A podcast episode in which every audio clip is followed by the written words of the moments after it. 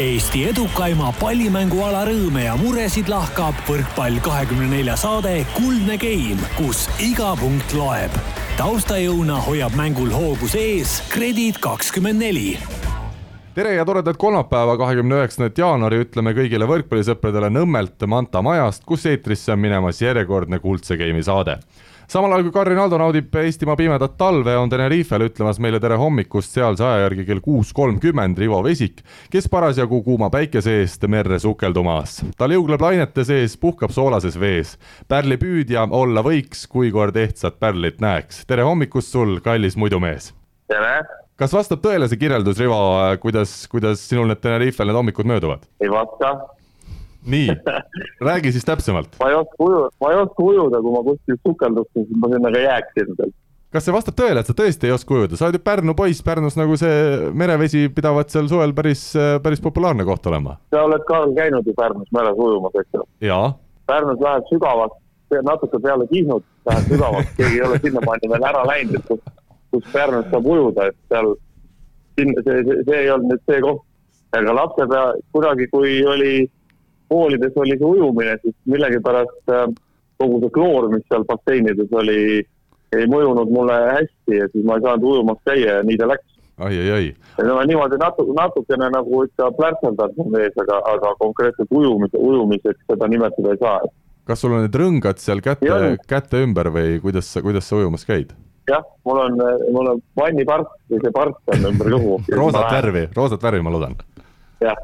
selge eelmine.... sellega ma lähen, et kui te, kui te näete kuskil rannas ühte roosa siukse pardiga meest, siis see olen mina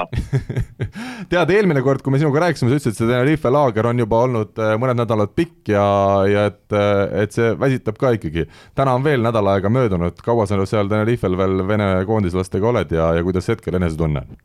Me jõuame Eestisse, jõuan mina äkki kolmanda hommikul või teise hommikul ja tunne on praegu on ikka täitsa tühi juba, et äh, viie võistkonnaga möllamine noh, miinimum kuus trenni päevas ei, ei ole lihtne, aga ei ole midagi teha. tuleb, tuleb teha praegu, et tuleb panna olümpia-aasta ja, ja väga valikut ei ole, et. ei virise, ütleme, ei virise, põnev on sel juhul äh, me väga pikalt ei hakka siin nendel Tenerife teemadel rääkima, üritame tunnikese hoida sinu mõtted äh, nädalas ka eemal sellest äh, laagrist ja, ja ütleme nüüd tänasele saatekülalisele tere, tegu on neljakümne nelja aastase Türilt pärit võrkpalluriga, kes esindanud Eesti koondist seitsmekümne kuuel korral, saanud karjääri jooksul lugematul arvul kollaseid ja punaseid kaarte, ent veab täna südamega Kiili noorte võrkpalli. tere hommikust, Raivo Tatrik! tere hommikust, jah! kas sinu puhul see sissejuhatus oli kõik vastas õigesti, kõik need numbrid ja, ja muud, muud jutud? no peaks olema küll jah, laias laastus õige kõik see, et eks ta nii ole olnud. Rivo, ma kohe alustuseks võtan ka sind siia kampa jälle, kas, kas ja mida nüüd Raigost sina mäletad kui mängijast äh,? kindlasti Eesti selline esimene suur äh, libero kindlasti, kes, kes nagu oli, oli nagu väga-väga hea libero juba enne siin Esnasid ja, ja Rikbergi ja asju. ja muidugi äh, muidugi seda, kuidas äh, Raigo väljakul oli ja mida ta seal tegi, sest nagu ma ka sulle, Karl, ütlesin, et äh, Raigo, osad, osad inimesed ei tulnud, ei käinud vaatamas võrkpalli, kes vaatamas Raigo Tatriku. ja olen olnud ise istunud tribüüni peal, olen istunud tribüüni peal, kui kaks meest teavad kihla, millal saab Tatrik esimese kaardi kas oli siis? mitte, nagu üldse, mitte nagu üldse paha pärast, aga, aga lihtsalt äh, Raigo oli nagu hästi selline elav ja aktiivne mängija väljakul ja, ja samamoodi noh, me oleme omavahel rohkem kohtunud äh, vist rannavõrkpalliväljakutel isegi, et kui oli selline legendaarne paar nagu Tatrik Männilaan, kes äh, kumbki ei olnud äh, nüüd kõige pikemad ja, ja plokk ei olnud nende tugevam külg, aga kui oli tuuline ilm, siis oli üsna kindel, et Patrick Männilaan võidavad. isegi teid? et tehnil-, isegi meid jah, et tehnilise poole pealt äh, enne sellel ajal meie ei olnud veel mitte keegi seal, me mängisime Steniga, aga, aga Kaisid äh,, Aras Niinemägi, kõik, et kui ikka kõva tuul puhus, siis äh, Tatrik Niinemägi, Tatrik äh, Männilaan olid kindlad turniiri favoriidid selge, nii et te panite tuule puhuma, kui te turniirile läksite? nojah, oli niimoodi, et me Kuldariga olime ühed lühemad seal üldse, kes seal rannavõrkpallis olid ja, ja, ja kuna seda osavust ja seda nagu oli, et et nikerdada seal igatpidi ja tuult enda kasuks ära kasutada, siis, siis eh, natukene kardeti jah, selle tuule pärast meid, et no Rivo ütles, et äh, sinu pärast tuldi isegi võrkpallimängudele, mitte niivõrd nende mängude endi pärast. Äh, võib-olla see on natukene ülepaisutatud, see, see idee, aga, aga eks seal mingi tõetera vast äh, sees ole. see, et sa olid emotsionaalne mängumees, sellele vist ei saa küll kuidagi midagi vastu väita, et see oli lihtsalt sinus sees olemas. jah, et ma ise nagu olen ka mõelnud, et kust see nagu on tulnud ja miks see nagu, miks ma siis nagu selline emotsionaalne olen või miks nagu on, et siis nagu olen uurinud seal, et noh, et ema ju mängis ju tegelikult kuuekümnendate alguses keskpaigas mängis ju Tartu Riikliku Ülikooli naiskonnas, kui ta seal liidu, liidu meistrivõistlusi mängis ja seal esi, noh, eesotsas olid seal. et ta ei olnud küll seal selline põhiviisiku mängija, aga noh, vahetusmängija ja, ja, ja ta oli selline ka lühemat tüüpi ja samas oli ta selline terav, kiire, noh, öeldi, et päris elav ja ja emotsionaalne, et, et pigem nagu sealt siis on nagu see päritud vist, ma arvan, et aga palju seda ikkagi, seda nii-öelda üleemotsionaalsust tuli, kas oli palju neid õhtuid, kui sa pärast mängu kahetsesid, et näed, täna sai öeldud liiga palju või, või liiga palju möllatud seal väljakul? ei, nagu seda nagu ei olnud, et mul oli, kui mäng läbi sai, oli sellega nagu punkt ja läks nagu tavaelu edasi ja, ja sai nagu rahulikult välja elada ennast seal mängus ja mm, et unetuid öid ja, ja mõtlemisi, et miks nüüd see kollane või punane, et noh, see käis kõik mängu juurde ja ei, ei olnud seda, et et jääd põdema või et mõtlema seda, et mis seal on. kas mingeid erilisi seiku ka meenub selle mängija karjääri ja kas või sellesama emotsionaalsusega juhtus seal midagi erilist, mis on tänaseni selgelt meeles? jah, väga huvitav seik oli see, et oli üks äh, Tallinna Silikat liider oli üks äh, üheksakümnendatel, kes domineeris siin alguses ja ja mina siis äh, noore poisina olin Paide Heereses mängisin ja ja noh, ega meil šanssi polnud nende meeste vastu, nad olid kuradima head, osavad, elukogenud Eesti meistrid, kõik, me, ega meil ei olnud. ja mäng hakkas pihta niimoodi, et äh, kohtunik kontrollis asetust ja mulle sealt üks äh, nende kapten Mart Eluri ütles mulle, et kuule, et hoia tänases mängus nagu suu kinni, et ära nagu midagi räägi ja ja tekkis nagu väike sõnavahetus seal ja ja siis tuli tagantliinist tuli veel Reimo Metsküll sinna ettepoole ja, ja, ja hakkas nagu ka midagi ütlema ja ja läksime nagu peaaegu kättpidi noh, aga mitte nagu kõvasti, aga ikka läksime ja siis hakkas mäng pihta, et seis oli null-null ja seal jagati juba kaks kollast kaarti ja punane kaart ja et kohtunik kontrollis asetusi, aga juba anti kaarte, et et, et see oli nagu selline huvitav seik, et ega, ega noh, mäng lõppes kindlasti kolm-null meie kahjuks, aga, aga noh, lihtsalt oli põnev natukene, et et natuke endal oli huvitavam no just, just, just, et aga paljus just see provokatiivne pool just oli, et ta ei olnudki niivõrd see emotsioonide pealt, vaid sa kuidagi üritasidki vastast ka natuke selles töödelda? no eks jah, osad mängijad olid, kes nagu lasid ennast natuke töödelda ja lasid ennast nagu heidutada, aga kindlasti oli ka igas võistkonnas palju neid, kes, kes ei mõjunudki see absoluutselt ja noh, nendega ei olnud mõtet tegeleda. Rivo, palju sinu vastu äh, Raigo mingeid selliseid nippe kasutas? ei, ma ei, ma ei mäleta, sest et äh, Raigol ei olnud minu vastu väga midagi kasutada, ma tegin nurgast kõhu lihaseid, et neid mehi ei pea ärritama seal väga. ja, ja, ja. siis, siis kui, siis kui meie, siis kui me Raigo vastu mängisime, siis jah, mina nagu selles suhtes väga ei mänginud, et ma olin seal vähe teine viiul, et aga, aga selle, selle liidripundi kohta,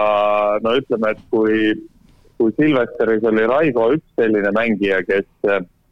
kes siis natuke üritas töödelda vastaseid ja oli selline emotsionaalne, siis see liider, liidrivõistkond oli põhimõtteliselt kogu võistkond oli selline. no nii oli jah. kes läks peale, läks peale ja, ja seal said ka kõik, et seal nendel eluritel ja Rogenbaumidel, ma arvan, neil on paar pakki kaarte on kodus olemas täitsa nendest aegadest, et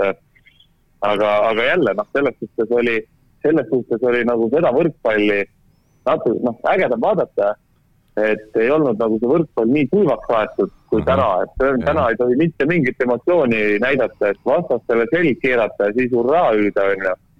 et äh, hoopis äh, ägedam oleks see, kui, kui saakski natuke nagu töödelda ka, noh näiteks äh, Raigo mäletab kindlasti väga hästi, oli Tartus mängis lätlane Andres Truuminson ju, kes oli ka ikka selline mees, kes pani läbi võrgu sulle päris mõnuga sealt igasuguseid asju rääkis seal võrgu ees. Ja oligi nagu, noh, pealtvaatajal ka midagi muud ka vaadata, kui mitte ainult uima võrkpalli. no nii on jah aga tead, Rivo, öeldakse ju, et võrkpall on selline ikkagi intelligentne mäng, kus sa saad nii-öelda vastast mõjutada, aga otseselt äh, midagi füüsilist või, või vaimset tegemata, vaid olles kuidagi lihtsalt väljakul selline teistsugune või, või oma liigutustega nii-öelda mõjutavad äh, vastast, et kas sa sellega oled nõus või see, mida Raigo ja seal sõbrad teistes võistkondades tegid, oli, oli ikkagi kõik mõistuse piires? Äh, ei noh, ma olen sellega muidugi nõus, aga, aga kui me teeme profisporti, siis äh, tihtipeale ju igas, igas spordialal kasutatakse erinevaid alatud võtteid, on ju, jalgpall, korvpall samamoodi ja minu, noh, keegi ei läinud nagu mingitest piiridest väga üle. et, et kui eluri tahtis kakelda, siis tuli kakelda, sest ta on ikkagi aus, austusväärt mees, austusväärt mees, et noh, talle juba niimoodi ära ei ütle. et, et, et eks igaüks ju proovib kasutada kõiki võimalusi, et võita, et meil rannavõrkpallis samamoodi, et ikka läbi võrgu või siis, kui poolte vahetus on äh, kerget ütlemist üksteisel on ka, et see on täpselt see, mida, mida Raigo ütles, et sa üritadki kas või natukene vastast välja lüüa oma sellest mugavustsoonist ja võib-olla tänu sellele sa võidad paar punkti, mille, tänu millele sa võidad mängu. jah, eks neid okei okay., minu jaoks see jumal, see on minu jaoks jumala okei okay, noh, mängu jaoks jah, eks ongi ju, kohtunik on ju olemas ja kui kohtunikule see tegevus ei meeldi, mis seal on, eks tal on ka omad võimalused ju seda piirata ja teha, et et on ju, on ju need kollane kaart, noh, mis praktiliselt ei tähenda midagi, punane, noh, punkt läheb ära, noh, ka suurt kaotust ei ole, lööd ühe korra võrku, kaob ka punkt ära, eks, et aga sa võid mängu kuidagi natuke murrangu tuua, eks ole? jah, et võib-olla seal väikest taktikalist seisa-, seisatust ja Just. see sekretär kirjutab seal pool minutit seda sul seal juba ja, ja, ja juba see võib väikse muudatuse tuua, aga noh, ega jah no et ei jääks noortele võrkpallisõpradele muljet, et Raivo Tatrik ainult äh, oli emotsionaalne mees, kes kogus kaarte väljakul, siis ikkagi tuleme selle libero ameti juurde mm. -hmm. libero amet tekkis siis, kui sina olid seal, ütleme noh, suhteliselt noor mängumees. kuidas sa selle positsiooni peale sattusid mm -hmm. ja kas sa tundsid, et see ikkagi aitas sinu karjäärile ka oluliselt kaasa? absoluutselt kindlasti kohe jah, et ega, ega mul äh, seda pikkust noh, meeter kaheksakümmend kaheksa, seitse, mis ta on, et ega sellega nagu läbi lüüa päris nagu sellises noh, ka isegi Eesti, Eesti mõistes tipus siin oleks väga raske olnud, kuigi ma noortekoondises ka mängisin nurga, nurga, nurgamängija kohta, universaalkohta, aga ma ikkagi kindlasti oleks jäänud lühikeseks ja, ja täpselt jälle nagu sattus mulle see, et kui mul oli valida, et kas ma lähen hakkan tööd tegema midagi või, või mängin nagu edasi profina, siis see libero tuli mul nagu väga õigeaegselt, et see tuli kuskilt sealt kaks tuhat äkki, kaks tuhat üks, üheksakümmend üheksa, millalgi tuli, et täpselt ei mäleta, et millal, mhm. millal see oli, et aga oli see ikkagi keeruline ka algus, mina mõtlen ka sellise harrastusvõrkpallurina jälle oma vaatenurgast, et kui ikka üldse rünnata ei saa, oled ainult seal kaitses kuskil viie peal, seisad ja, ja loodad, et mõni, mõni vastane suudab vähemalt sulle pihta lüüa, et saab kuskile mõne palli üles tuua, et mhm. kas sellest nagu väheks ei jäänud? no vaata, selles sa said sealt oma naudingu sellest ju, kui seal ikkagi sul sellised kõvad vanad vastas olid ja noh, ründavad ja ründavad ja maha ei saa ja, ja, ja sa teed nagu oma asja seal ja oma, oma selle, omas rütmis oled ja ja, ja sinu eesmärk on see, et sul on pall hästi käes ja sul on need pallid üleval, mis vähegi võimalik üles tuua on ja, ja, ja selle, sellest nagu mulle nagu piisas, et tipptasemel nagu, heal tasemel nagu mängida, et. Kas see, et see oli selline hästi uus amet, kas see tähendas, et sa ikkagi pidid või jälgisid ka kuskil näiteks äh, suurturniiridel, mida liberod teevad, et natukene veel midagi kõrva taha panna või see kõik tuli ikkagi iseenesest sedasi vaadates vastavalt olukorrale, kuidas tundub mõistlik? nojah, see tuli, et ega ma ju noortekoondises ka algselt olin ikkagi äh, tagumise liini vahetus, et, et kui seda liberot ei olnud veel, äh, ma ise nagu tundsin ka, et et ma saan seal tagaliinis nagu paremini hakkama, kaitses, servi vastuvõtt, need olid nagu minu trumbid juba siis, tähendab, ja, ja seal juba treener usaldas mind ja käisin praktiliselt igas game'is äh, nagu taga, tagaliinis sees vähemalt alguses ja.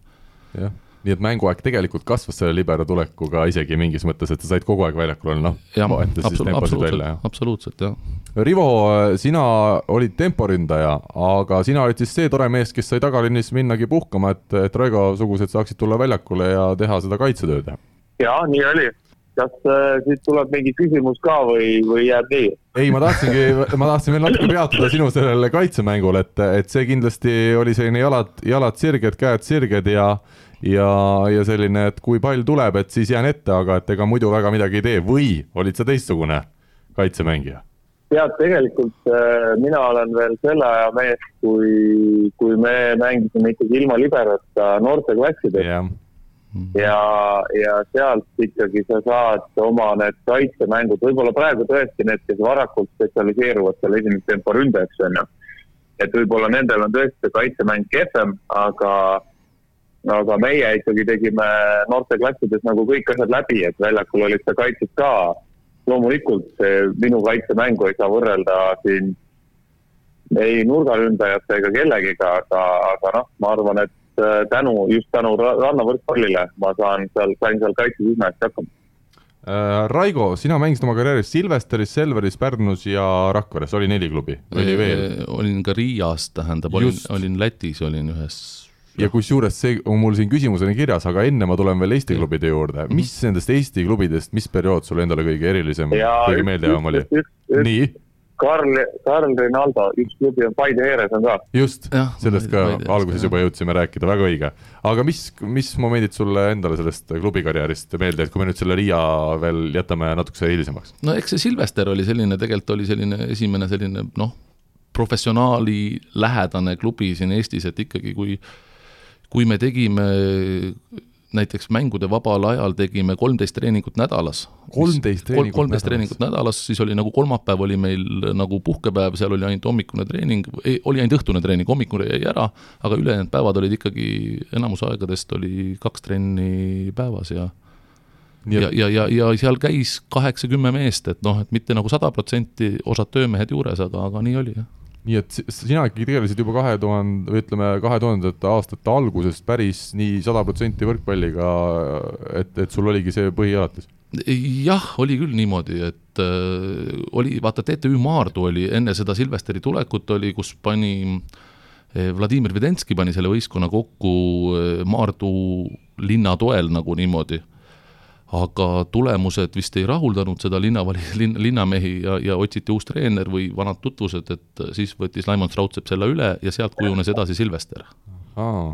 kuidas see trennide ülesehitus siis välja nägi, ma eeldan, et jõud ja, ja pall käisid nagu käsikäes, hommikul üks, õhtul teine? ei olnud, pigem oli nagu pall kogu aeg. jõu, jõu osakaal oli palju väiksem, kui ta praegu on tegelikult ja just selle nagu noh, noh, see oli, see oli, see oli võib-olla tol ajal, aga nüüd on seda jõu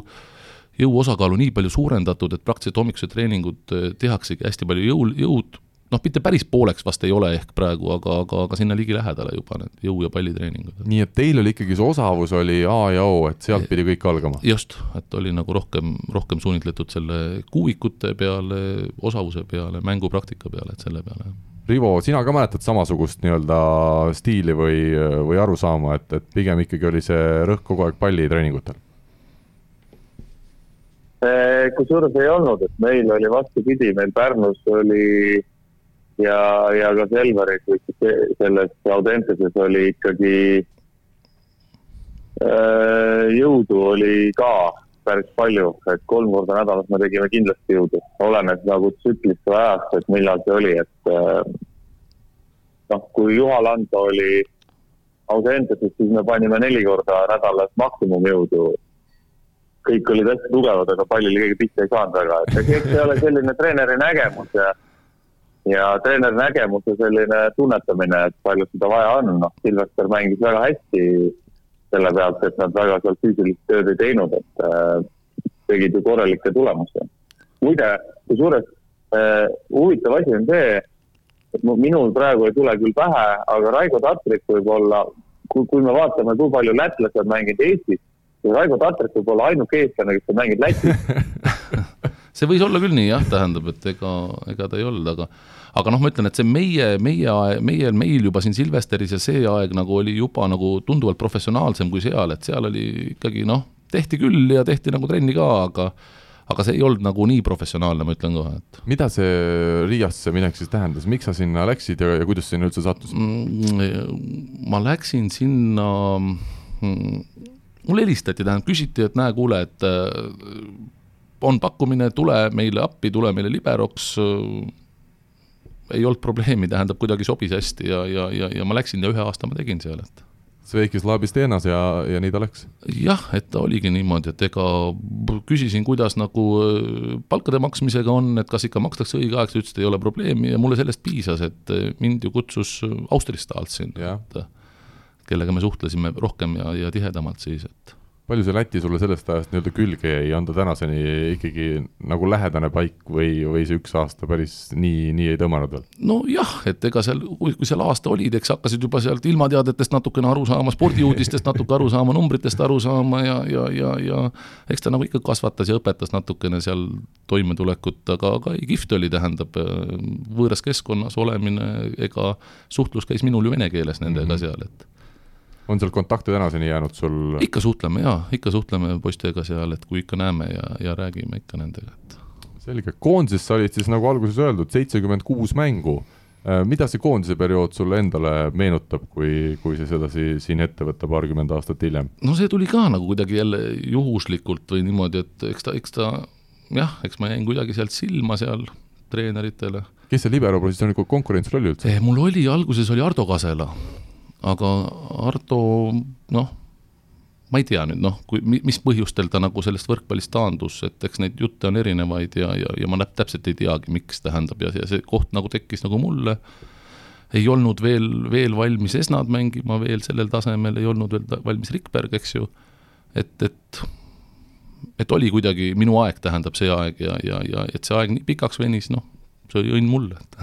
kuidas sa täna üldse mängijakarjäärile tagasi vaatad, kas sai kõik saavutatud, mis sinu potentsiaaliga mm, oli saavutatud? ma arvan küll jah, et ega ma ju mingi andekas vend ei olnud, et pigem nagu oli pigem see, et ma ikkagi seal istusin seal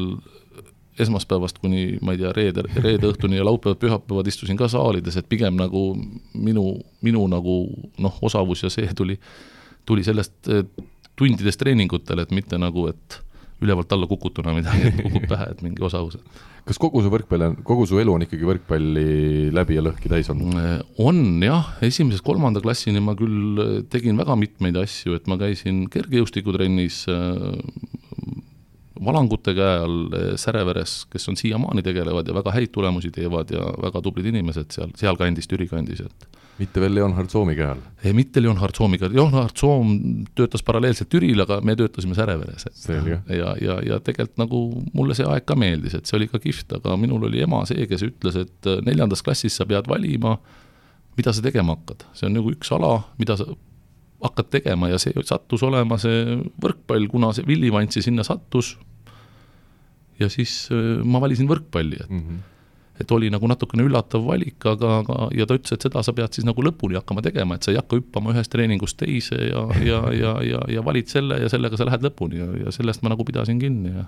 ja nii ta on läinud? nii ta on läinud, jah. Audentse spordigümnaasium, Eesti koondis, Silvester, Selver, äh, nagu me rääkisime mm -hmm. siin veel Pärnu, Rakvere, Paide mm, -hmm. seal on palju erinevaid meeskonnakaaslasi, kes on sul endal seda kõige eredamalt meeles, kas siis inimesena või äh, mängija omadustelt, potentsiaalilt?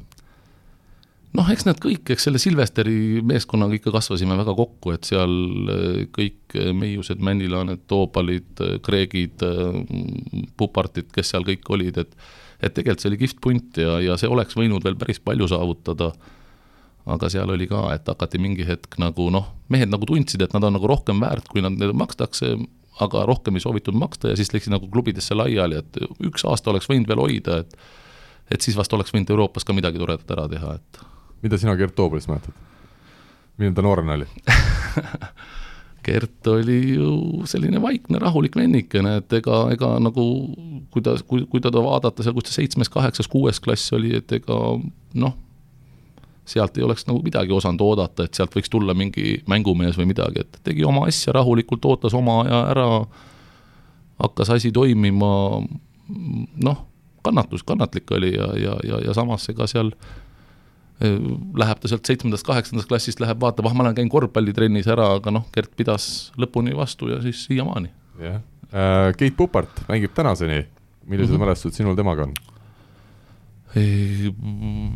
me mängisime, ma ei mäleta, kas see oli Slovakkias või kus see oli, üks mingi eurokarika mäng oli Silvesteriga ja, ja, ja ta tuli sealt, ta oli varumängija seal natuke Silvesteris ja aga ma ei mäleta, kas Gružajev oli kalal käinud ja hüppeliigese välja väänanud või, ja, ja ta sai selle võimaluse seal. ja, ja ta mängis kuradima hästi seal, selle terve turniiri seal. ja, ja, ja pärast seda nagu ta jäi sinna põhikoosseisu ja, ja hakkas sealt nagu ennast üles töötama, et alguses, kui ta sinna Silvesteri tuli nagu noore poisina, noh, tavaline, hea, normaalne, selline keskmine, midagi nagu ei olnud, aga samm-sammult samm-sammult ja, ja hakkas tasapisi üles, ülespoole ronima ja, ja jõudis päris kaugele välja. võtame lõpetuseks ühe hirmsa Lasnamäe mehe ka, Ardo Kreek, tema on ka tänaseks jõudnud juba väga kaugele, võitnud Pariisi vollega mm -hmm. Prantsusmaa liiga ja, ja CEF Cupi. millised mälestused temast kui noorest mehest olid ei no Ardo, Ardo oli ikka äge, tähendab juba, juba siis oli ta juba ja, ja kohe, kohe praktiliselt, kui ta tuli, kaheteistkümnes klass, üheteistkümnes, millal ta tuli, tähendab, sinna oli ta ka põhikoosseisu mängija ja ja, ja, ja tal, tal see üldosavus oli ikkagi noor, noorteklassist oli väga olemas, et ta ju, kui ta noorteklassis omal mängis, oli ta küll temporündaja, aga ta võttis ka servi vastu ja ta tegi kõike, tähendab, et sealt, sealt ainult oli loogiline jätk, et edasi minna. Rivo, palju sina mäletad seda kuulsat Silvesteri võistkonda ja neid mehi? eks ma ikka mäletan, eks me oleme ise ka nende vastu mänginud ja, ja nad olid jah, selline kunst, kus oli kus välismaalasi ei olnud minu arust väga, ei olnud üldse ja,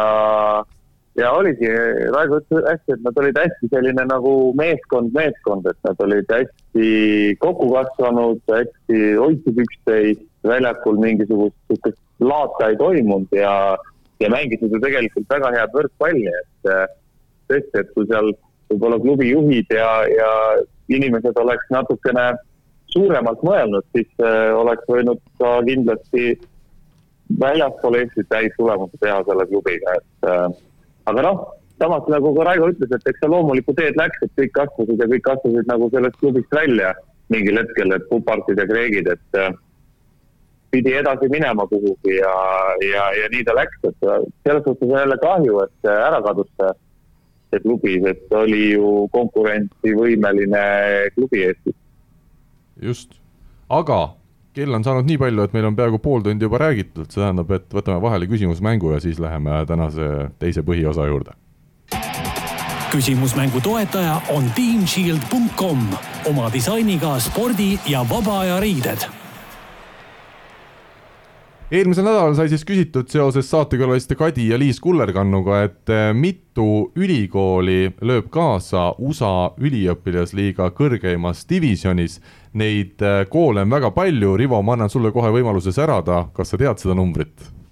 Eh, mina tean seda numbrit. sina, Karl, ütlesid selle numbri mulle ennem. nii, vot see on. aga. nii.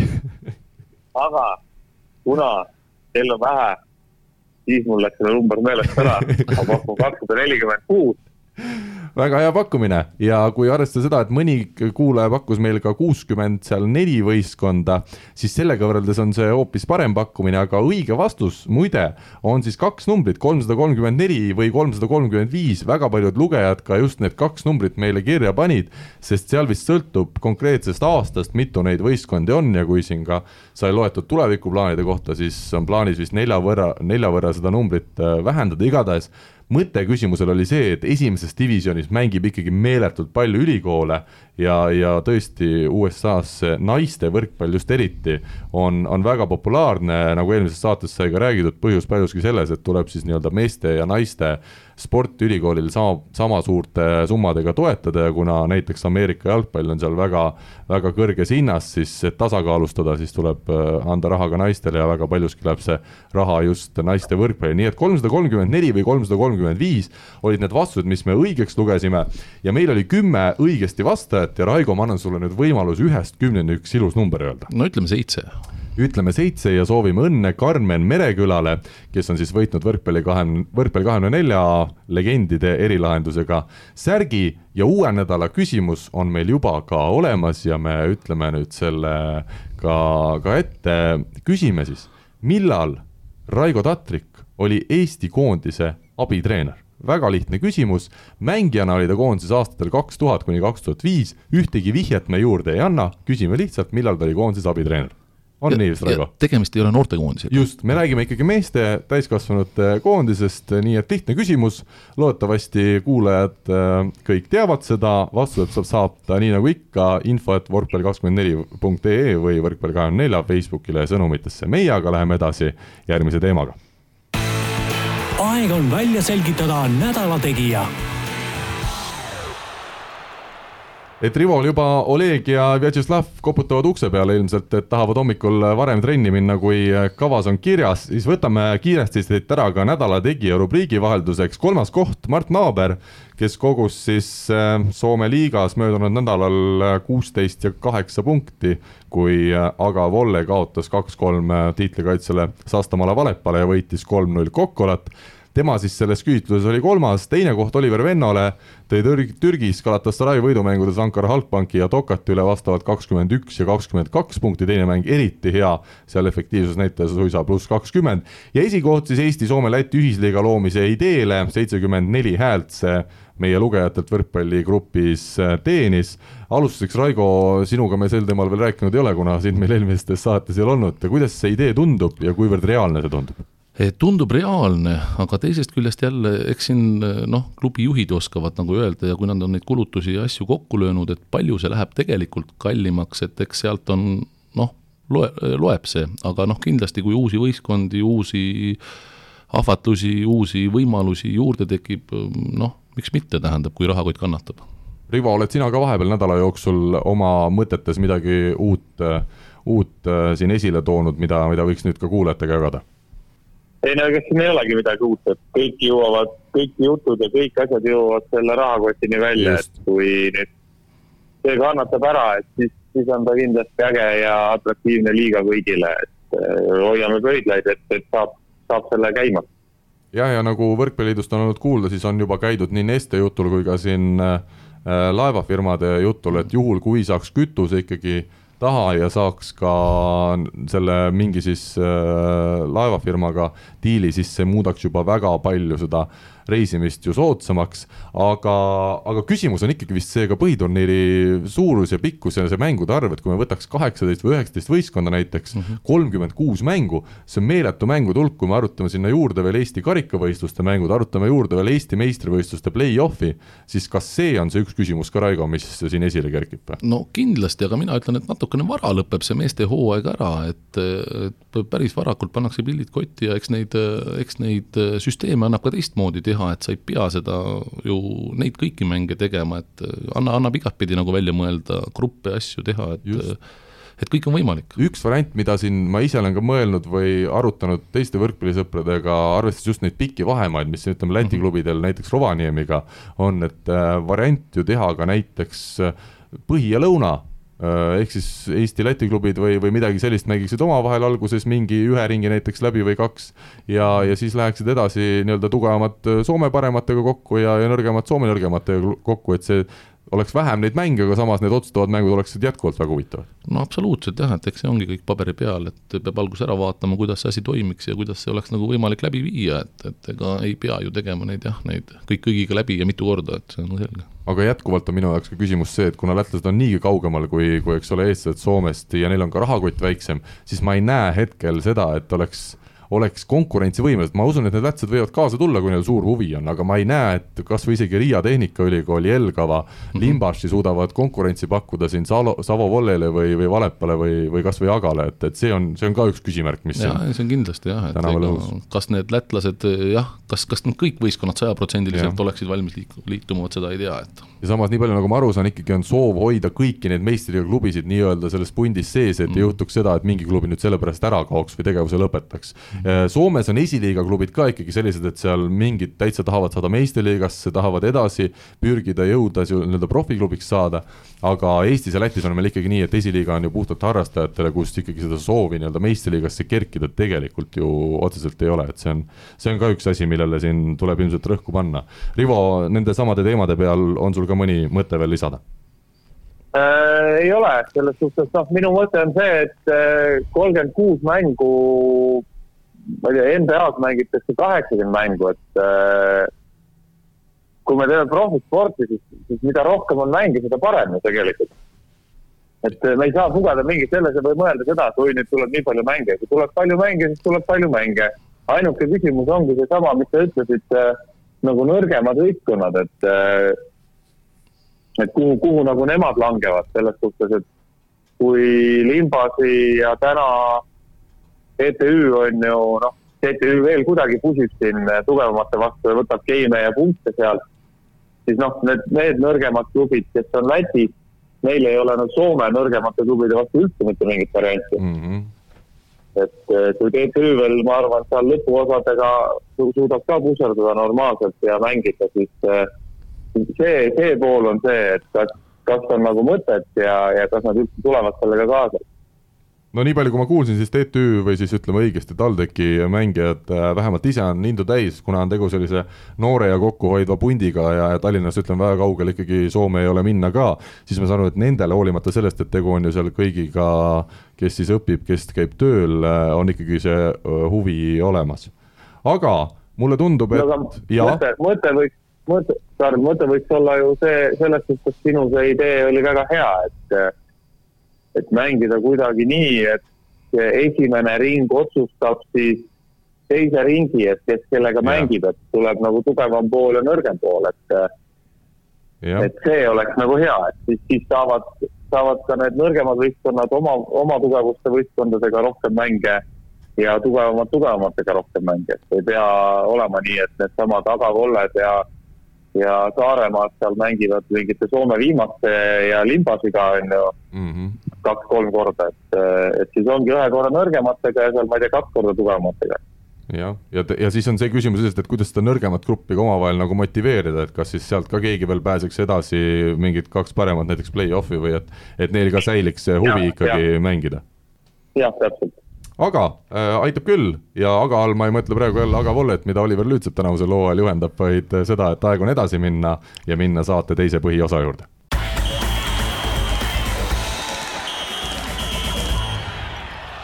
Ja tuleme nüüd siis äh, selle juurde, mida Raigo teeb tänasel päeval, ehk siis treeneritööd. Tatsi klubi, mis tuleb sinu enda hüüdnimest, äh, on tänaseks tegutsenud, kui ma ei eksi, kaksteist, kolmteist aastat juba. ta nii on, jah. kuidas see kõik juhtus, et sinust, Türi mehest, äh, kes ma sain aru, et enne ei olnud Kiilis käinudki, kui seal treeneriks hakkas, sai siis üht, üht, ühtäkki sellise väikese Tallinna eeslinna äh, treener ja on seal siiamaani sa oled väga hästi kursis sellega, et, et, et, et ma ei olnud seal tõesti ennem käinud ja, ja, ja see asi hakkas tegelikult ühest mängijast, et see oli Rasmus Meius, kes oli, käis mul Lasnamäel, ma käisin teda lasteaiast ära toomas, kui oli uneaeg. kolm korda nädalas tuli mulle kuueaastaselt trenni ja siis, kui teised maga-, teised magasid, siis tema tegi trenni ja siis, kui teised üles tõusid, siis ma viisin ta sinna tagasi. aga siis, kui ta lasteaialt läbi sai tal, siis ma läksin, siis ta läks Kiili elama, vanemad said, ehitasid maja sinna ja ja siis Kristo, Kristo ja, ja, ja Kuldar samuti, kes olid nagu kiilikad juba siis, ütles, et tule, et saal on äge, kihvt saal, noh, laps ei tea, palju tuleb, kas kaks või kakskümmend kaks, et seda ei, ei kujuta ette, et tule, tule vaata, proovime vähemalt. ma ütlesin, et miks mitte, et ega töötasin ennem Lasnamäel, et ega seal nagu ei olnud väga kvaliteetseid tingimusi ja asju, et see oli nagu öö ja päev, kui seal avanes no Ardo Kreek oli selleks ajaks juba läinud, eks ole, Lasnamäelt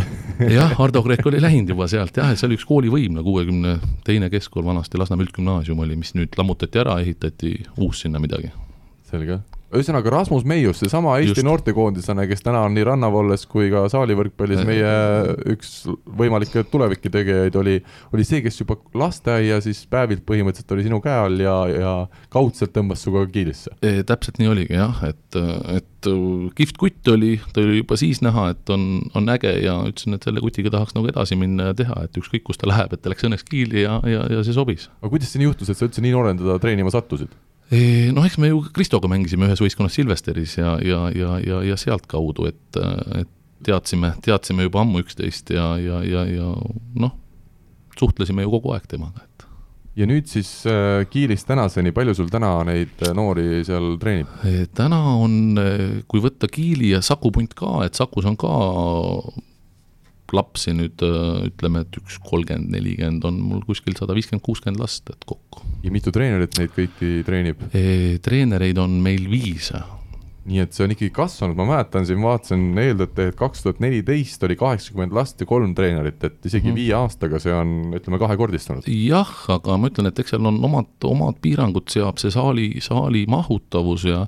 et kui isegi tahaks natuke rohkem teha või suuremalt teha, siis see ei ole enam võimalik, et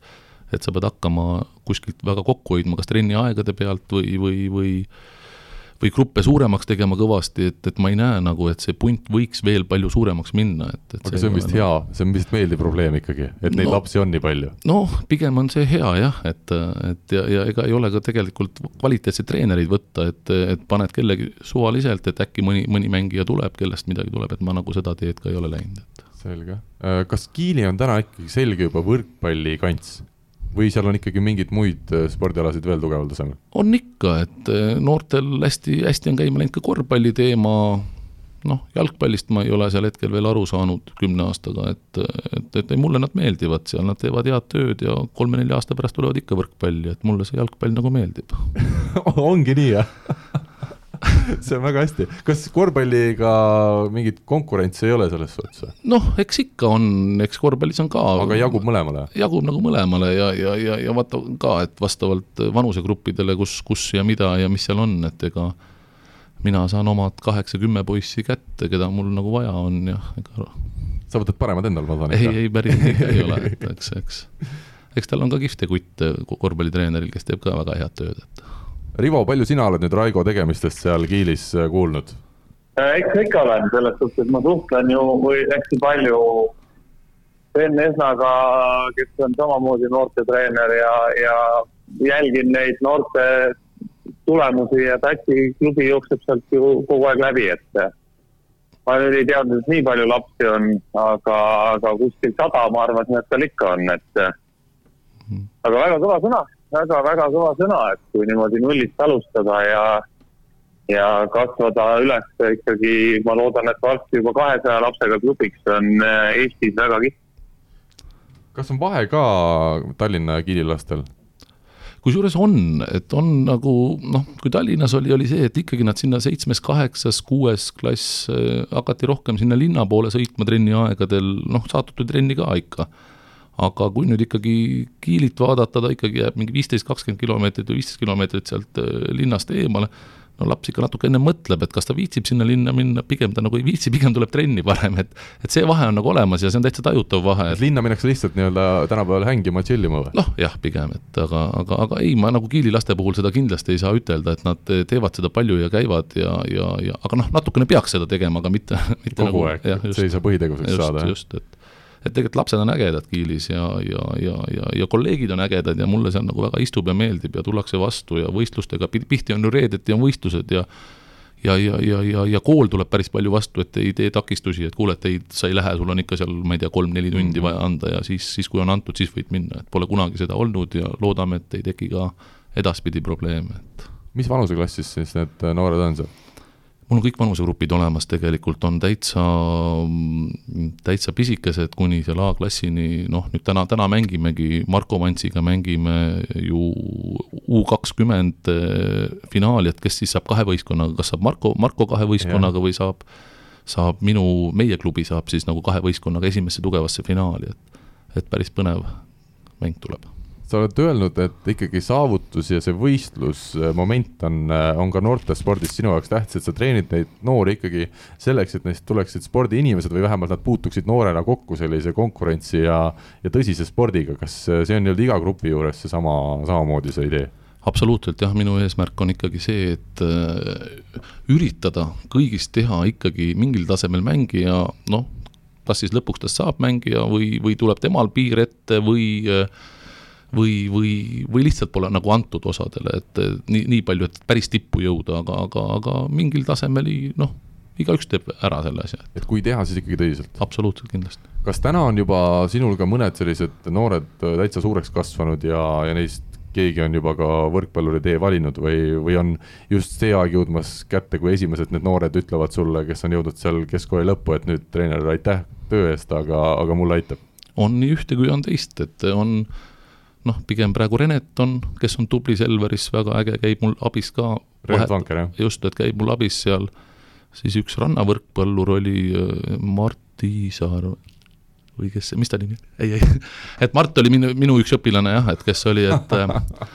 et, et aga tema jah, valis selle rannavõrkpalli tee, et ega noh, tema otsus ja väga, väga kihvt otsus ja väga hästi on läinud, et, et naudin seda, mis ta teeb seal Ja et siis... seda ma ei saa, päris leidmise au mina ei saa endale mm -hmm. võtta, et see on tegelikult Tarmo Rahuoja poiss, aga mina hakkasin nagu temaga nagu tõsisemalt nagu tööle, et, et ta jõuaks kuskile välja. ja Rasmus Meius on siis nendest noorematest praegu, jah? Rasmus Meius on noorematest ja tegelikult on ka TalTechis on ka Stenber Illus praegu üks, kes, kes tuli minule päris hilja, et ta mängis ju korvpalli palju ja, ja, ja Ilmar Mõttus soovitas, et kuule, et näe, üks kihvt poiss on, et et ole hea, et vaata. Siis ta noorteklassi mängis kolm viimast aastat, mängis nagu meie klubi all. ja nüüd on siis ju täitsa TalTechi põhimees siin olnud viimased paar kuud. no jah, ei ta on äge ja ägeda iseloomuga ja väga, väga selline ka saab seda, mida lõpuks tahab, et kuna tal see noh, tahtejõud on kõva, et. kui raske on äh, need, kui rasked on need hetked, kui lähebki sinu siis kasutatud mängija läheb edasi kuhugi või, või ütleb, et talle nüüd aitab? noh, pigem kui ütleb, et aitab, et vot siis on nagu raskem, et aga kui, kui ta läheb edasi ja kui ikkagi noorteklass ära lõpeb, ma ei saa nagu jääda igatsema, et siis peab juba tema ise nagu oma tee valima, et kus ta kus ta läheb ja kas ta läheb ja mis ta teeb, et siis nagu minu, minu abi nagu lõpeb ära seal, et mina ei saa nagu enam noh, aidata ja teha ja push ida ja seal, et, et noh, noorteklassis veel, eks ju, et mul on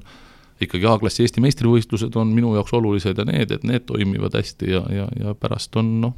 vaatad ainult kas arvutist või telekast, et kuidas läheb ja kellel läheb hästi, et ikka hea meel. Sa ütlesid, sul endal on äh, kõik äh, klubis siis kõik need noorteklassid olemas, keda sa ise juhendad, kas sina oled ikkagi ainult poiste peal või kuidas see välja näeb? jah, on, on juhtunud jah niimoodi, et eelmine aasta oli mul väga äge abiline, oli, oli C, C, U, U kuusteist poiste abil, oli, oli äh, Karl Kuulberg oli, kolis, läks, lõpetas kaheteistkümnenda klassi ära, läks Tartusse, jätkab seal oma treeneri tööd, õpinguid, asju, et väga, väga kihvt tüüp ja väga palju oli temast abi eelmine aasta et aga nüüd on jah, mul on nagu pigem on need treeninggrupid jaotatud ikkagi tugevad, keskmised mm -hmm. ja mhm. siis nagu nõrgemad, et mul ei ole nagu päris vanuste gruppide kaupa, et mul on mingi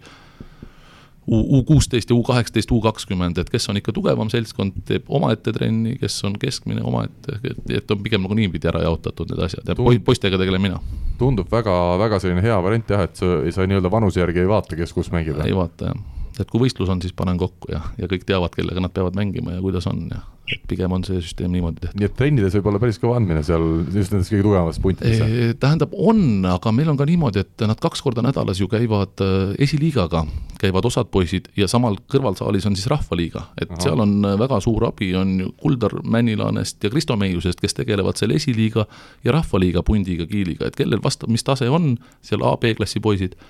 vastavalt neid nad liigutavad seal saalis, et mõnikord on esiliiga mehi vähem, võtavad sealt mõned poisid juurde, mõnikord on, on rohkem jälle, lükkavad Rahvaliiga pundile ja mõlemad võistkonnad mängivad ja, ja, ja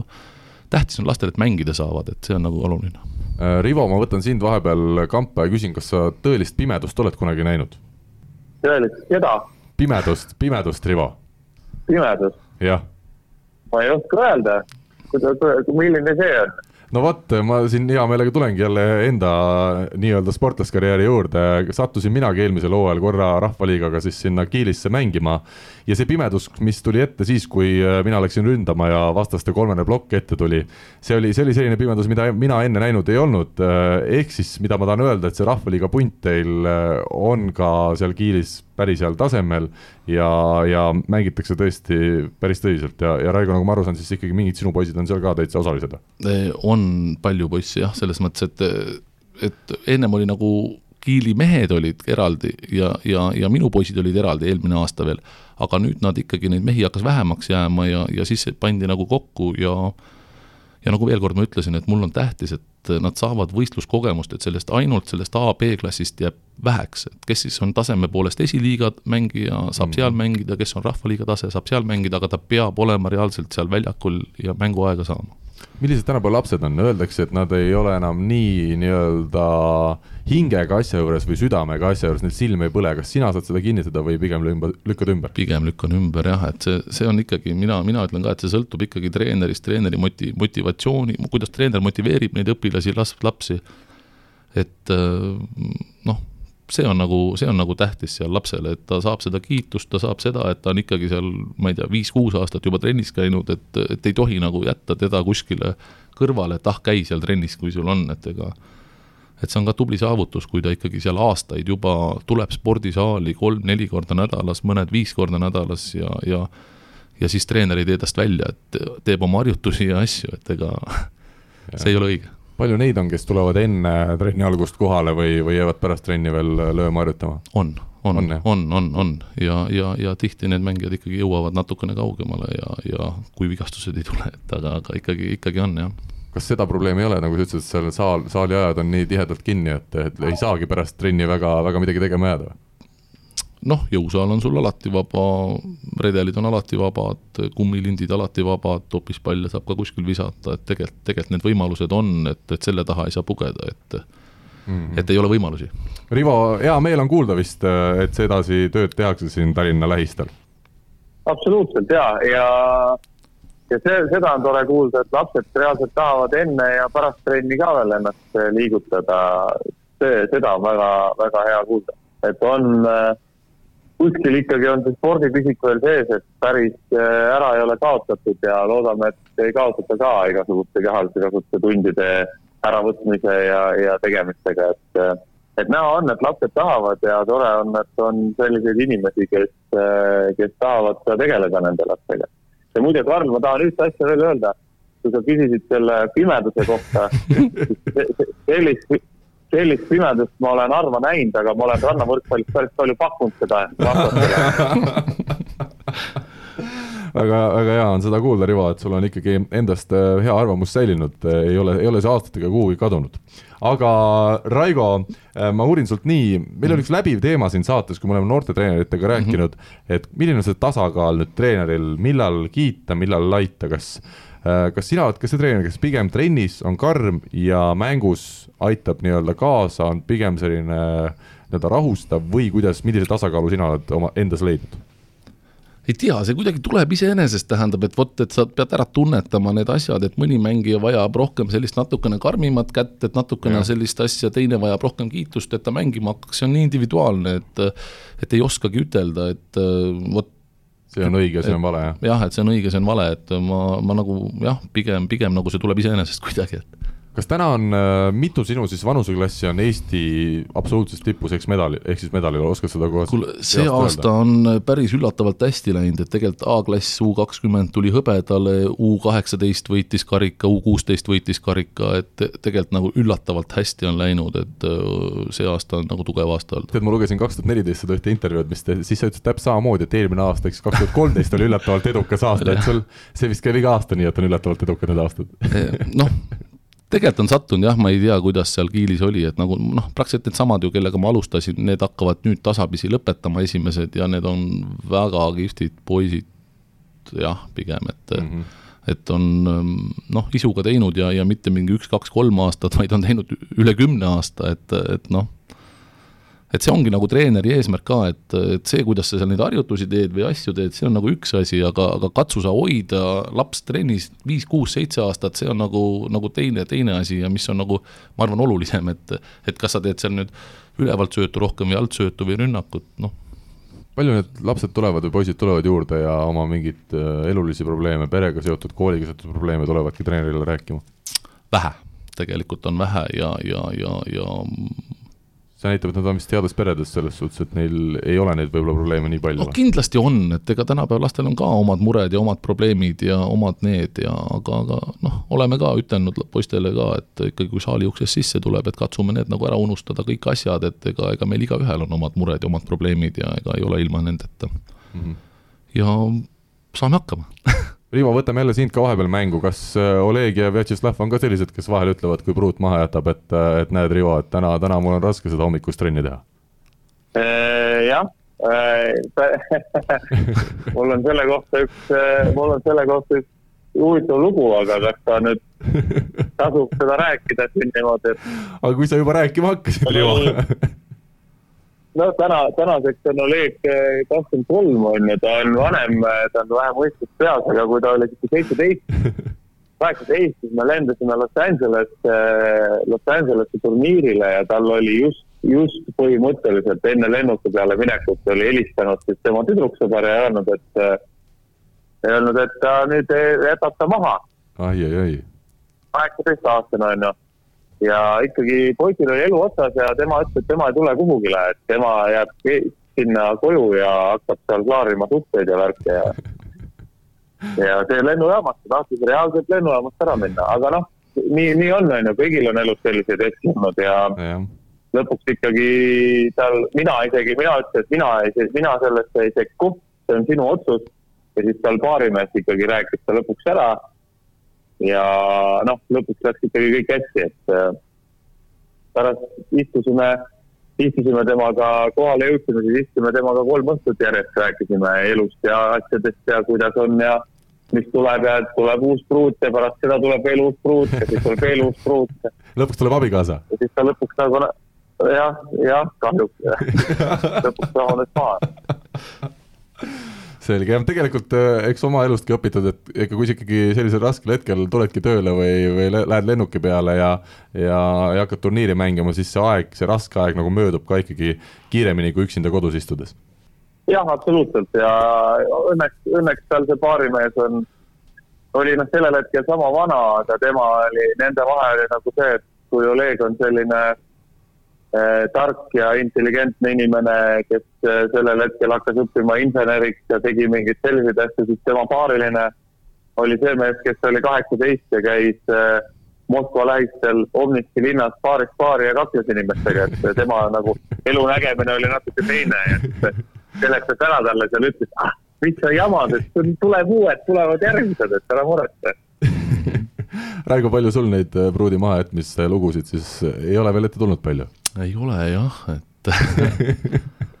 ei ole, ei ole olnud. kuidas sinu enda abikaasa sellesse suhtub, mida sa kõike teed ja kui palju seda kõike teed? abikaasa on äge, et äh, kihvt aks-, aktsepteerib täielikult, mida teeb, eks üritab nii palju koos olla kui vähegi võimalik, mõnikord noortevõistlustele minna juba nädalavahetusel koos, tähendab, et leida, leida oma, oma aega veel lisaks veel juurde, mis on nagu vabad nädalavahetused, aga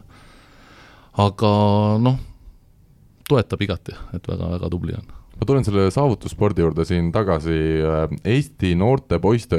ütleme siis poiste võrkpallis hetkel U kuusteist, U kaheksateist ei paista olevat need kõige säravamad aastad. kas sina ka seda kõrvalt näed ja oskad öelda põhjuse, miks see nii on, kui me vaatame koondise tulemusi, siis need ei ole olnud enam sellised, nagu näiteks see praegune U kakskümmend punt, kus on siis Tammejärud, Lõhmused ja nii edasi? no ma ei teeks nagu selliseid äh, järel, järeldusi, et tegelikult sealt võib ka, sealt kolmest võib ka mõned väga kihvtid mängijad tulla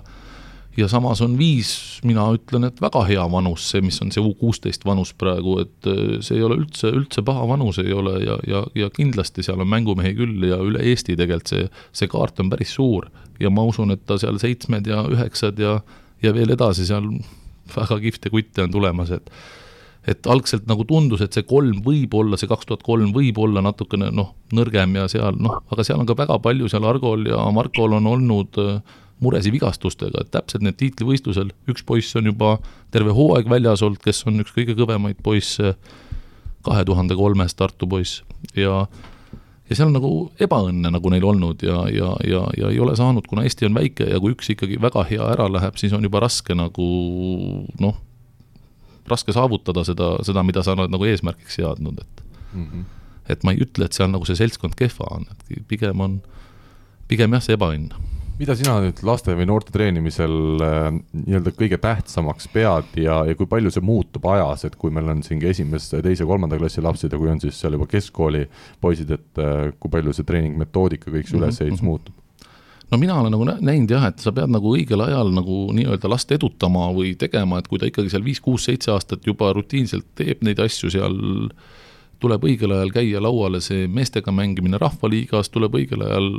pakkuda samm nendele asjalikumatele esiliiga suunas treeningutele, need, kes noh, meistriliigasse lähevad, aga seda ei tohi ka väga vara teha, et ei ole mõtet minna sinna üks asi on sul seal treenimine, aga sul peab olema ikka kuskil mingi võistkond, kus sa saad ikkagi väljakul olla ja see noh, noortesüsteem Eestis on okei okay,, et et tegelikult praegu poisid, kes on meistriliigas pingi peal ja vähe saavad mänguaega, on variant mängida ka esiliigas ja, ja seda tuleks nagu rohkem kasutada, rohkem kasutada ära, et, et seda mänguaega saada. kuidas sina nüüd seda näed, meil on täna ikkagi Tallinnas äh, Audentese spordigümnaasium, koht, kus sinagi käisid, kas kõik Eesti paremad noored peaksid sinna minema, arvestades seda, et seal saab ikkagi trenni teha rohkem kui mujal ja, ja ütleme, kogu see elamine, toitumine, kool on kõik ühes? No see jälle, jälle, jälle sõltub, eks ju, et kas nagu Märt Tammearu oleks parem mängija, kui ta oleks nagu käinud äh, spordigümnaasiumis, no ma ei usu, tähendab, eks ju, ta oli nii võimekas, et tema, tema mängis juba seal kümnes, üheteistkümnes klass, oli võimeline meeste vastu ikkagi juba tegusid tegema ja, ja, ja mina arvan, et tema puhul jälle see, see asi poleks nagu õige olnud, et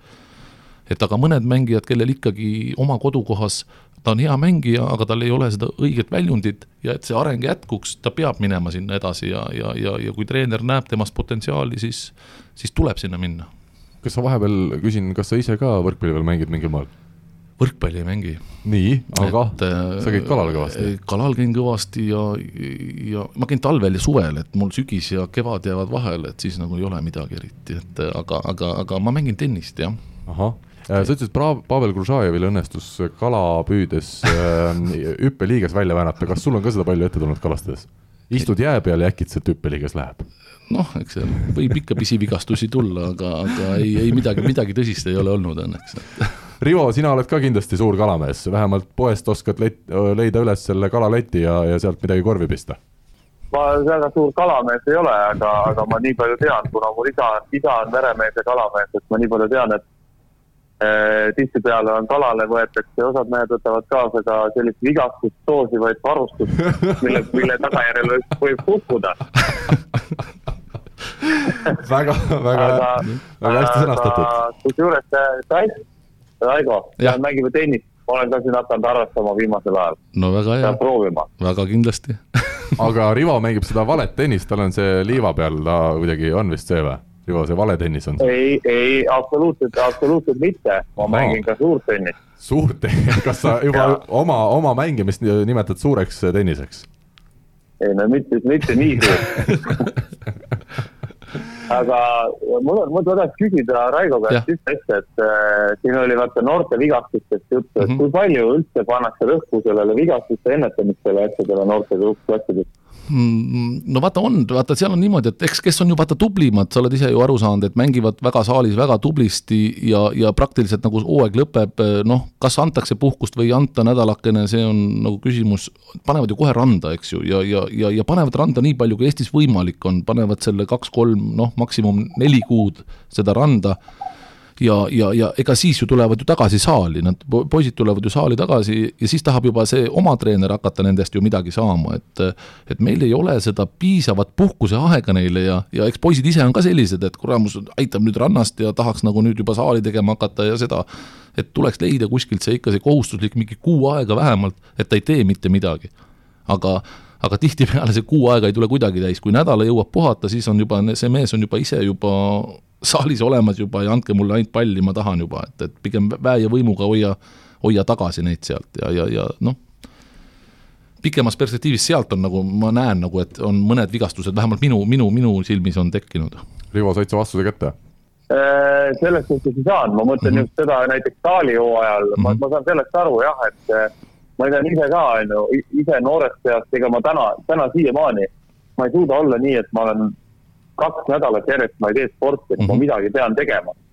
aga ma saan nendest noortest aru, nad tahavad minna, teha ühte asja, siis teha teist asja, kolmandat, korvpall, jalgpall, kõiki mängida, mhm, on ju. Mhm, aga seda, mida tehakse nagu saali hooajal sees, erinevad kummid, mingid stabiilsusharjutused kuskil, natuke mingit jõusaali asja, et just just ennetada seda, puhkus on üks asi, aga just ennetada vigastusi natuke, teha, teha need liigesed ja, ja igasugused sidemed ja asjad seal natukene tugevamaks et kuidagi nagu ma ei tea, kas mul on nagu vedanud või, või, või, või ma ei tea, või on see treeningkoormus liiga madal, et, et ma nagu ei ole pidanud nagu selliseid noh, jube, jube palju vigastusi, et kui ma ikka lähen noortevõistlusele, mul on praktiliselt sada, sada protsenti ikkagi võistkond terve. Et siin jah, eelmine aasta jäi Rasmus Meiusel küll vahele noorteklassis, mis oli nagu mulle oli natukene noh, ei olnud kõige parem, aga aga ikkagi tegelikult ma olen saanud need, need võistkonnad praktiliselt saja protsendi lähedale, et noh, et olla, olla täiskoosseisus alati, et vaata, noortel on ka, kui sul juba üks mängija ära jääb, sa pead kellegi nõrgema asemele võtma, sa oled palju nõrgem kohe võistlustel. et noh, ma ei oska öelda, noh, kas, kas, kas ma, ma ikka, loomulikult me ikka teeme seal neid natuke kumme ja natuke topispalle ja neid, et mida vanemaks, seda natuke rohkem, aga noorematel noh, vähem mm. -hmm. et nii on väga hea, Rivo kukkus vahepeal tooli pealt, tundub pikali selle vastuse peale, aga ma küsin Raigo veel nii, kui sa rääkisid oma ajast ja Silvesteri aegadest, et siis väga seda jõudu ei tehtud, kas nüüd ütleme, kui me räägime U kaheksateist vanuseklassist näiteks U kakskümmend seal, kuidas sul endal tasakaal nendel poistel on? Jõutreeningu ja, ja ütleme, mängulise treeningu vahel, kas seal juba see jõud hakkab tulema mängu? jah, noh, ma ütlengi, et nad ikkagi praegu see, mis toimub esiliigas seal Kiilis, et seda asja see Kuldar teeb küll nagu noh, hobi korras seda teemat ajab, aga ta ikkagi nõuab seal teatud asju, mille sisse kuulub ka jõusaal, mille sisse kuulub ka taastumine, asjad, et, et mulle see meeldib nagu. Et kui mina nagu oma treeninguid teen, noh, ma, ma, ma lõpetan seal väikse üldfüüsilisega või midagi või teeme natukene jõusaalis, aga, aga, aga seal noorte, noortes B-klass, C-klass, noh, otseselt seda tugevat jõudu me ja, ei tee veel. arusaadav, see on vist väga õige ka, et natuke liiga vara oleks, ütleme, kangisaali seal kolm korda nädalas minna selliste poistega. noh, eks neid arvamusi on erinevaid, mõni ütleb, et tuleks ja tuleks kohe ja varakult ja panna ja aga, aga minul nagu see hetkel praegu toimib, ma ei taha muuta nagu seda, et poisid on terved. milline on Kiili võrkpalli ja Tatsi spordiklubi eesmärgid, visioon, kuhu te jõuda tahate, mis on sinu sellised unistused? Et kui ma hakkasin seda tegema, siis oli nagu eesmärk see, et kuule, et mis juttu siin ajad, siis oli see teema, et vaata, ainult ainuõige on nagu spordikoolid Eestis üldse, muud asjad, klubid tuleks kõik ära kaotada, seda, et mul oli nagu väike eesmärk see, et ma tahtsin tõestada, et ei sõltu sellest, kas sa oled spordikool või klubi, vaid sõltub sellest, kes seda asja teeb. ja kuidas seda teeb, kui on mingi hull, hull fanatt, siis ei ole ta vahet, kas ta teeb klubina või või piimandusühinguna, tulemus sõltub sellest, kuidas seda tehakse, et et kas noh, see oli nagu minu jaoks suht mõttetu diskussioon, et, et kaotame klubid ära, jätame ainult spordikoolid, noh. kas see meistriliigasse minemine on selline forsseerimine nii väikse koha puhul, et pigem just kasutada neid noori mm.? või näed sa vaimusilmas? ma, ma ei ole seda nagu mõelnud, seda meistriliiga teemat üldse, et võtta nüüd oma punt ja võtta juurde midagi ja hakata seda meistriliigat tegema, ma pigem nagu see on paras, kuna see ei ole väga suur ala, seal tuleb üks-kaks poissi mõne aasta jooksul, kes, kes liiguvad sinna meistriliigasse, ma arvan, et sellest on piisav tegelikult. Sa oled ka kehalise kasvatu, kehalise kasvatuse õpetaja samal ajal? olen Kiilis. kuidas see välja näeb, osad ikkagi treenerid ütlevad, et ei taha see kehalise kasvatuse õpetaja olla, sest seal sa pead nii-öelda sundima inimesi sporti tegema. ei, mulle see meeldib, selles mõttes ma näen neid kõiki lapsi, näen päevas ära, ütlen, et täna kell kolm on trenn, et vaata, et sa tuled, laps vaatab otsa, noogutab, ta juba, ta juba on mulle selle nõusoleku andnud, et ta on igal juhul olemas ja, ja kui ma iga päev neile seal peale käin, et igal juhul nii on, et siis, siis nad ikka reeglina tulevad trenni kõik. Äh, kas täna ikkagi treener äh, selles suhtes, nagu sina oled täiskohaga, elab ära, et, äh, et kui ikkagi asja südamega teha ja, ja palju teha, siis, siis on teenistus laual? no mina, mina pean suure tänu ütlema siin Kiili vallale üldse, kes, kes on nagu seda, seda, seda üldse toetanud ja järjest nagu paremaks on läinud see asi just nagu rahalises mõttes, et me loomulikult, kui me läheme võistlustele, me peame ka natukene vanematelt võtma seda, kas seal toiduraha või majutusraha või midagi, et aga see osakaal ei ole üldse kasvanud seal kümne aasta jooksul, et pigem me oleme saanud ikkagi vallalt äh, piisava, piisava motivatsioonitoetuse, et, et seda asja edasi ajada ja teha ja, ja, ja ma olen nagu rahul sellega, mis vald pakub ja nüüd selline huvitav küsimus veel siia suhteliselt lõppu. kui täna tuleks Saaremaa klubi, Tartu klubi või ütleme veel Mart Viisitamm tuleks, ütleme Pärnusse tagasi ja hakkaks seal sporti õide ajama ja, ja ütleks keegi neist siis, et näed, kolm tuhat eurot kuus, tule meil eh, esindusvõistkonna peatreeneriks meistriliigasse. kas sa kaaluksid ja, ja läheksid? ei kaaluks, ei tuleks. see on kindel? hetkel, hetkel ei tuleks, tähendab, aga kindlasti äh, ma võib-olla viie aasta pärast vastaksin nagu teist asja, et praegu ma nagu lihtsalt näen, et on kihvte noori tulemas siit meie klubist, et äh, noh, ma tänasel päeval hetkel ma seda valikut kindlasti ei teeks ja, ja, ja, ja kusjuures neid pakkumisi on natukene olnud mõned. jah, Nonii, aga ma saan aru, et ega nendest vist nimeliselt siin väga rääkima ei hakka täna? ei hakka rääkima kunagi hiljem, siis kui on võib-olla käes õige hetk. Äh, kas sa lõpetuseks oled nõus ütlema mõne poisi nime, kes on täna Tatsis spordiklubis või tüdruku nime? ja kes on tõesti tubli ja, ja kui kümne aasta pärast me seda saadet kuulaksime uuesti, siis võib-olla oleks huvitav märkida, et näed, sa juba siis selle nime tõid välja väga kihvt kutt on üks kaks tuhat kolm poiss on noh, kes ei jätnud mulle alguses nagu sellist, et noh, et kuule, et võiks teha ja võiks tulla ja võiks midagi olla, et töötas, töötas, töötas ja nüüd on väga huvitav vend, kaks tuhat kolm koondises poiss on Remo Torn et tasub silma peal hoida, vaadata, kui tal endal on tahtmist, viitsimist ja jõudu, tähendab, mida tundub, et tal praegu puudus ei ole, et ta saab korralikult mänguaega. et ma näen, et sealt võib tulla. üks kihvt poiss on, kaks tuhat kuus poiss on tulemas, on, on üks Rapla poiss tegelikult, on Ranel Rahuoja, noh, tema on see Rivo, see teisepaarilise tüüpi rohkem natukene, kes seal Obnitsi, Obnitskis käis, et et aga, aga, aga aga, aga kihvt poiss on jälle, noh, võimas füüsiliselt, aga ta võib olla väga palju ette arenenud ja, ja, ja kui ta sealt üks viite, kümmet sentimeetrit ei kasva, noh, võib ka tippspordis raskeks minna. Rivo, kas sinult mõni huvitav veel lõpumõte tänasesse saatesse? Ei ole, väga tore saade oli ja, ja Raidot ei ole nii palju, nii kaua aega näinud, ei ole kuulnud, et oli tore kuulda ja, ja võtame selle tennise ette kunagi. võtame muidugi kui teil paaris mänguks läheb ja, ja ühte, ütleme, kehva mängijat ka juurde on vaja, kes kord aastas käib mängimas, äh, siis, siis teate, kuhu helistada. Rivo, eks ole? või, või pallipoissi näiteks. vahet, vahetusmängijaks. jah nurka kõhulihaseid tegema ma, mina, mina võin olla vahetuses, ma oskan seda väga hästi selge, aga sellisel lõbusal toonil on väga meeldiv tänasele saatele joon alla tõmmata. Raigo Tatrik, aitäh tulemast. soovin sulle palju-palju edu kõigi nende noorte treenimisel, ma loodan, et ajad lähevad veel paremaks ja et tuleb sealt siis tõesti ka äh, üha rohkem äh, neid sportlasi, kellest saabki just võrkpallimängija ka tulevikus mm. -hmm. aitäh kutsumast ja oli väga tore. aitäh ja kohtume kõigi kuulajatega uuesti mõne nädala pärast. Eesti kõige põnevamad podcastid on Delfis, kuula tasku.delfi.ee